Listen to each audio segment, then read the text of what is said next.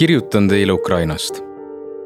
olen reisiblogija ning mitme digitaalse Telegrami kogukonna asutaja Harkivist, Ukrainast. Levila jaoks pean päevikut elust sõja ajal. karm algus karastas ega lasknud norutama jääda. sõda muudab hetkega kogu elukorraldust. Pole oluline, millega sa eile tegelesid, kus töötasid ja kus elasid üks hommik, hommik, mil puhkeb sõda, muudab kõik. miljonid ukrainlased kaotasid ühe ainsa hetkega kõik, mis neil oli. senine elu lendas kildudeks ning aegapidi saab selgeks, et tagasipöördumist senise elu juurde ei tulegi. Jana oli enne sõda ühe tuntud Ukraina artisti muusikastuudio turundusspetsialist. kuid nagu miljonitel teistel ukrainlastel muutus ka tema elu kahekümne neljandal veebruaril pöördumatult. Jana võttis sõja vastu Kiievi eeslinnas, just seal piirkonnas, kus Vene armee hoogsalt peale tungis, kus asuvad Butša, Irpin, Ostomel ja kus käisid kõige ägedamad lahingud.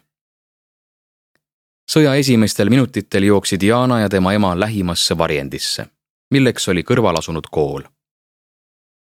Neil õnnestus magama jääda kuid paari tunni pärast äratas neid võimas plahvatus, mis pani keldri ja kogu hoone rappuma. kui rünnak vaibus, läks Jana õue suitsu tegema ja nägi, kuidas tema kodu kõrval põles kuueteistkorruseline maja. raketitabamusest süttinud hoonet kustutati mitu tundi.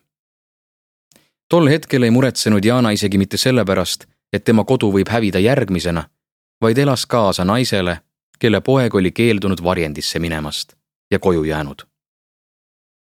arusaadavalt ei lastud sel naisel kõik see aeg, mil kustutustööd kestsid, majale läheneda. Jana tundis naise ja tema poja pärast suurt valu, kuid ei tahtnud teada, millega asi lõppes. samal päeval, mil algas sõda, halvenes järsult Jana ema enesetunne. kahe nädala möödudes ta paraku suri. Jana peab imeks, et tal õnnestus ema hoolimata linnas käinud sõjategevusest üldse mulda sängitada. sõja tõttu ei saanud sajad, aga võib-olla ka tuhanded kiievlased oma lähedasi maha matta. ema surma järel veetis Jana neli päeva otsekui udus. sõja algus kujunes tema jaoks väga rängaks. asja teeb raskemaks see, et Jana on tegelikult pärit Harkivist ja talle pole jäänud oma vanematest muud mälestust kui seal asuv maja Vene raketid ja suurtükid võivad selle aga iga hetk purustada. selline sõja algus mingis mõttes karastas Jaanat ega lasknud tal norutama jääda. matuste järel otsustas ta asuda ümber muusikastuudiosse, mis paikneb keldris ning kus elasid juba Jaana kolleegid ja mitmed muusikud. turvalisuse mõttes oli see parim koht.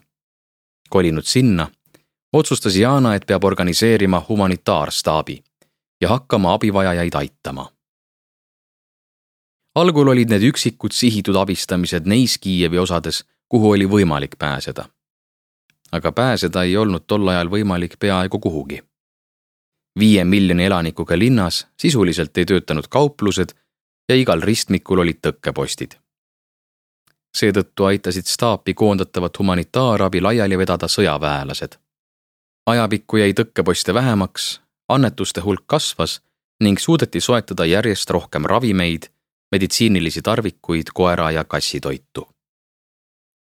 abi mahu suurenedes laiendasid noored tegevuspiirkonda, suundusid pealinnast välja, naaberlinnadesse ja küladesse.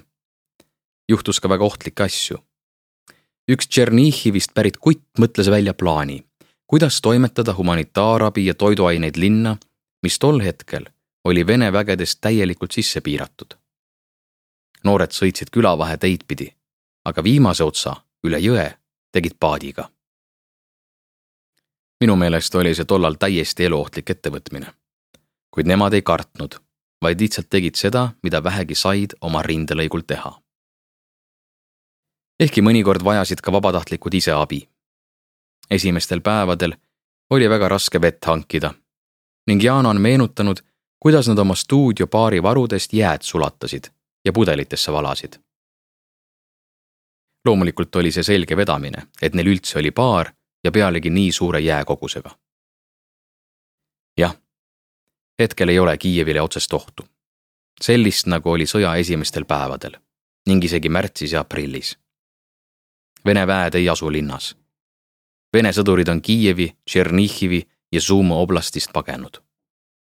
Kiievlased võivad üsna rahulikult oma kodudesse tagasi minna. kuid sõja esimesed põrgulikud kuud muusikastuudios veetnud noored otsustasid, et nemad laiali ei lähe.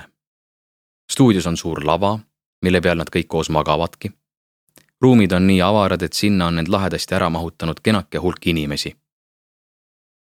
kui ma küsisin Jaanalt, miks ta koju ei lähe, vastas ta, et kellelgi võib järsku midagi vaja minna ja mõtle, kui teda polegi kohal. Aga kui elad otse humanitaarstaabi keskel, siis võid reageerida abipalvetele maksimaalselt kiiresti ja efektiivselt.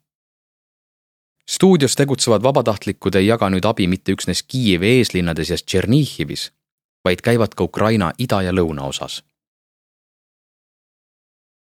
päeval, kui mina stuudios käisin, pakkisid noored parajasti täis kaht väikebussi. üks suundus itta, Bahmuti linna sinna viiakse praegu kõike. Riideid, toiduaineid, lemmikloomatoitu. lõunasse Mõkolajevi minev buss oli maast laeni täis joogivett. Mõkolajevis on praegu tohutu veekriis. linna veevarustuse allikas asub hallis tsoonis, on harjustatud ning seda korda teha ei ole võimalik. ei tea, kui kaua need noored jaksavad niimoodi kambakesi keldris elada, kuid mulle tundub, et neil on tõsi taga nähes, missuguse pühendumusega nad päevast päeva töötavad ja sedasi juba pool aastat, mõistad selgesti, et Ukraina võit on vaid aja küsimus.